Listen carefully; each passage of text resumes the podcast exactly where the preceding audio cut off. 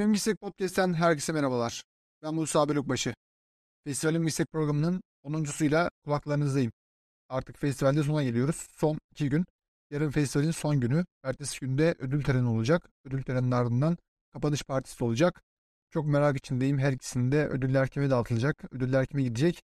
Aynı şekilde kapanış partisini de merakla bekliyorum. İlk olarak festivalin bugününü konuşalım. 10. günde neler oldu? 10. günde daha çok ben Su House'daydım. Zaten bir kaç gündür House'da zaman geçiriyorum. Diğer salonlardaki filmleri aşağı yukarı izledim. Su House'daki basın gösterimlerini takip etmek şu an daha iyi gibi olacak. Çünkü basın gösterimlerinin ardından zaten filmler salonlara geliyor. Şu an bir yoğunluk yok aslında. Normal seyrinde gidiyor festival. Çok güzel bir festival oluyor gerçekten. Şimdiye kadar geçirdiğim en iyi festivallerden biri. Antalya Film Festivali'ne katılmıştım. Oranın havasını da biliyorum. Yani bu yarışır durumda. Biliyorsunuz Antalya Film Festivali majör durumda. Türkiye'nin en büyük, en kapsamlı festivali. Onunla yarışır mı? Yarışabilir diyemem ama onun kadar olmasa da en az onun kadar iyi diyebilirim bu festival için. Çok güzel gidiyor. Diyelim ufaktan filmlerimize geçelim. İlk filmimiz 3. Dünya Savaşı. 3. Dünya Savaşı bir İran yapımı film. Ee, oldukça çarpıcı ve zekice bir fikirden yola çıkıyor film. Konu ise inşaat işçisi olan bir adamın Holocaust ile ilgili bir filmde figüran olarak oynarken hayatının fırsatını yakaladığını sanıyor. Bu fırsat aslında hayatını alt üst ediyor. Sürpriz bir garip bir durumlar silsilesine dönüyor. Filmin İran sineması olduğunu söylemiştim. İran sinemasının bir ürünü ve İran sinemasının başka bir ürünü gösteriyor film bize. Normalde yıllardır Aşkar Farhadi'nin ipini çektiği bir İran sinemasının ağlaklığı var. Sürekli bir üzgün, sürekli bir e, doğunun kendine has e, melankolisini yansıtıyor. Ve Batı da bu melankoliyi gördüğü için yani kafalarını yarattıkları doğu imajına uygun olduğu için üçer beşer ödüller veriyorlar. Aşkar Farhadi'nin şimdiye kadar iki tane Oscar'ı oldu. Tabii ki sadece bundan yıkmak istemem. Aşkar Farhadi iyi bir yönetmen. Filmleri de çok iyi filmler. Ama dediğim gibi bu Batı'nın doğudan beklediklerini görmek istiyorlar. Alt yazı bununla alakalı güzel bir yazı vardı. Çok iyiydi. Yani Batı istediği doğuyu görmezse ödül vermiyor. Mesela biz neden ödül alamıyoruz? İran çatır çatır ödül alıyor. Biraz da bunun cevabı burada aslında. Biz ne doğuyuz ne de batıyız. Ortada kalmışız. Batı da anlayamıyor bunlar ne yapıyor, nereye meyil ediyorlar. Batı mıyız, doğu muyuz? Arada kalmış durumdayız. Onun için filmlerimizin kötülüğünden değil, öyle bir karmaşanın içinde olduğumuz için belki de filmlerimiz ödüllendirilmiyor. Bu filmde tıkır tıkır işleyen bir senaryo matematiği var. Üçüncü Dünya Savaşı filmi çok iyi yazılmış. Yani İran sinemasında gerçi bu senaryonun tıkır tıkır işlemesine alışkınız. Çok iyi yani hikaye kurmayı, olay örgüsünü örmeyi çok iyi biliyorlar. Gerilimi de sürekli canlı tutuyor film. Kara komedi olarak başlıyor ama ikinci yarısında başka bir yere meyil ediyor ve tür geçişkenliği yapıyor film. Bu detayı da çok önemli. Yani türler arası geçiş yapan filmleri zaten ben çok seviyorum. Yani başta başka bir şey olarak başlayıp sonrasında ikinci yarısında veya üçte birlik bölümünde başka bir yere geçmesi oldukça çarpıcı, oldukça güzel bir detaylar sunuyor bize. Mizansen kurulumu ise cidden şapka çıkarılacak ölçüde çok iyi. Yani bu kadar iyi mizansen kurabilen başka yönetmen tabii ki çok fazla var. Ama adam çok iyi bir mizansen kurulmuş yönetmen tarafından.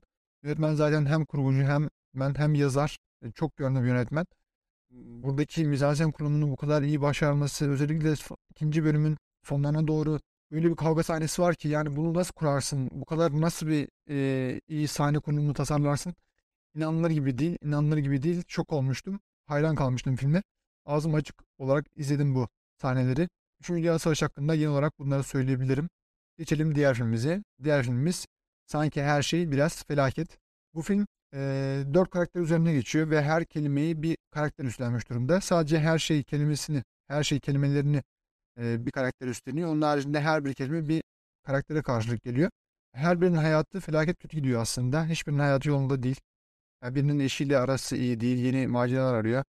Birisi yurt dışına gitmek istiyor. Birisi depresyonda hiç arkadaşı yok. Birisi iş bulmaya çalışıyor. İddiadan gelecek paralarınla kendini çevirmeye çalışıyor derken hepsinin hayatı bir umutlar silsilesi ama bu umutların hepsi de tabii ki suya düşüyor.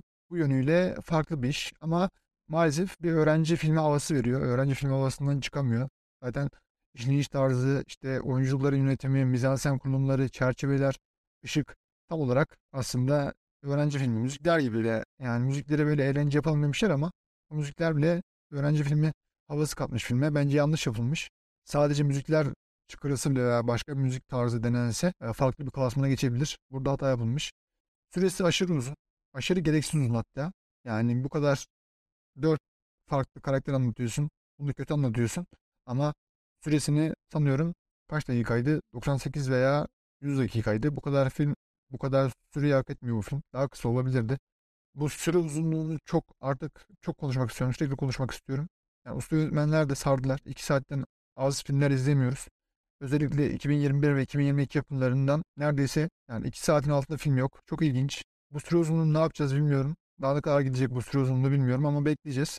Umarım azaltırlar. Umarım bu sünen senaryolardan vazgeçerler. Ee, filmin 4 farklı karakter üzerine gittiğini söylemiştim. Farklı farklı epiloglar diyebiliriz aslında buna. Farklı farklı epiloglar, bölümler birleştiriliyor ve bir hikaye çıkarılıyor. Özgün gibi dursa da bir özgün bir hikaye değil aslında bu.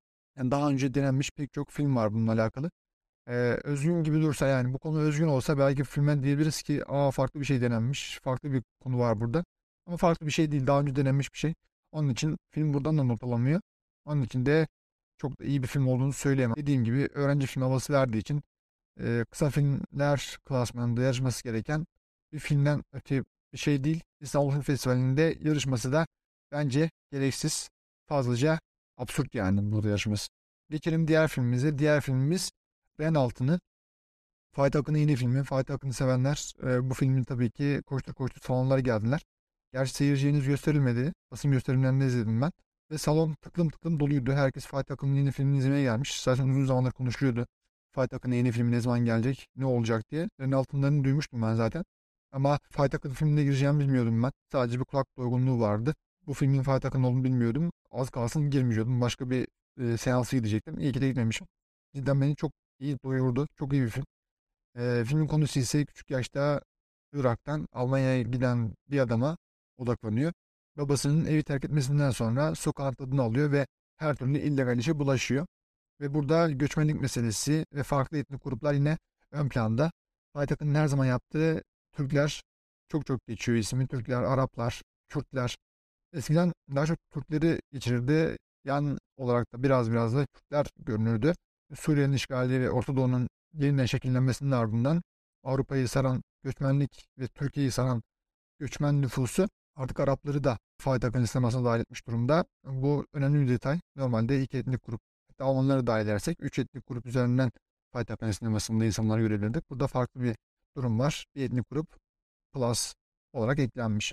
Fatih Akın'ın benzer üslubunu çok fazla görebiliyoruz bu filmde. Çok iyi bir e, hikaye örüntüsü var. Tıkır tıkır işliyor hikaye.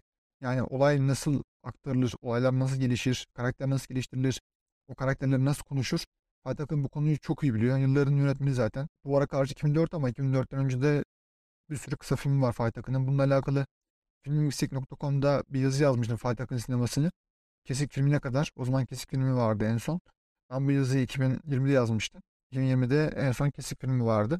Yani sinemasının belli başlı nüveleri var zaten. Dediğim gibi farklı etnik gruplar var. Sürekli bir Türkiye'ye gönderme var. Türkiye'nin adını geç, geçirme var. Ee, Türk oyuncular var. Ee, ve buradaki genel bir şeyi görebiliyoruz. Mesela Renalt'ın da Uğur Yücel var. Çok sürpriz bir isim. Başka bir Türk isim yok sanıyorum ama Uğur Yücel de çok yakışmış. Çok iyi bir rolde. Bir aşiret reisi e, rolünde kendisi ve çok iyi oynuyor. Bunun hakkını çok iyi veriyor. Dediğim gibi hikaye örgüsü çok iyi. Mizah ustaca ilerliyor. Mizah hiç böyle sırıtmıyor. Eski mizah yok. E, şakaların hepsi yerli yerinde. Gerilim hepsi yerli yerinde. Macera hepsi yerli yerinde illegal işler. Yani bunun background'ını sanıyorum Fatih Akın çok iyi biliyor.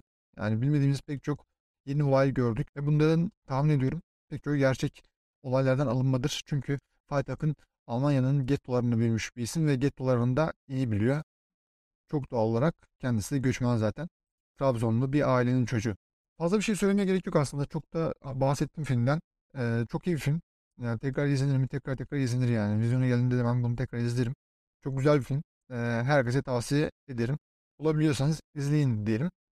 Evet bugün 10. bölümde festivalin 10. gününü konuştuk. Genel olarak filmlerden bahsettim, festivalden bahsettim.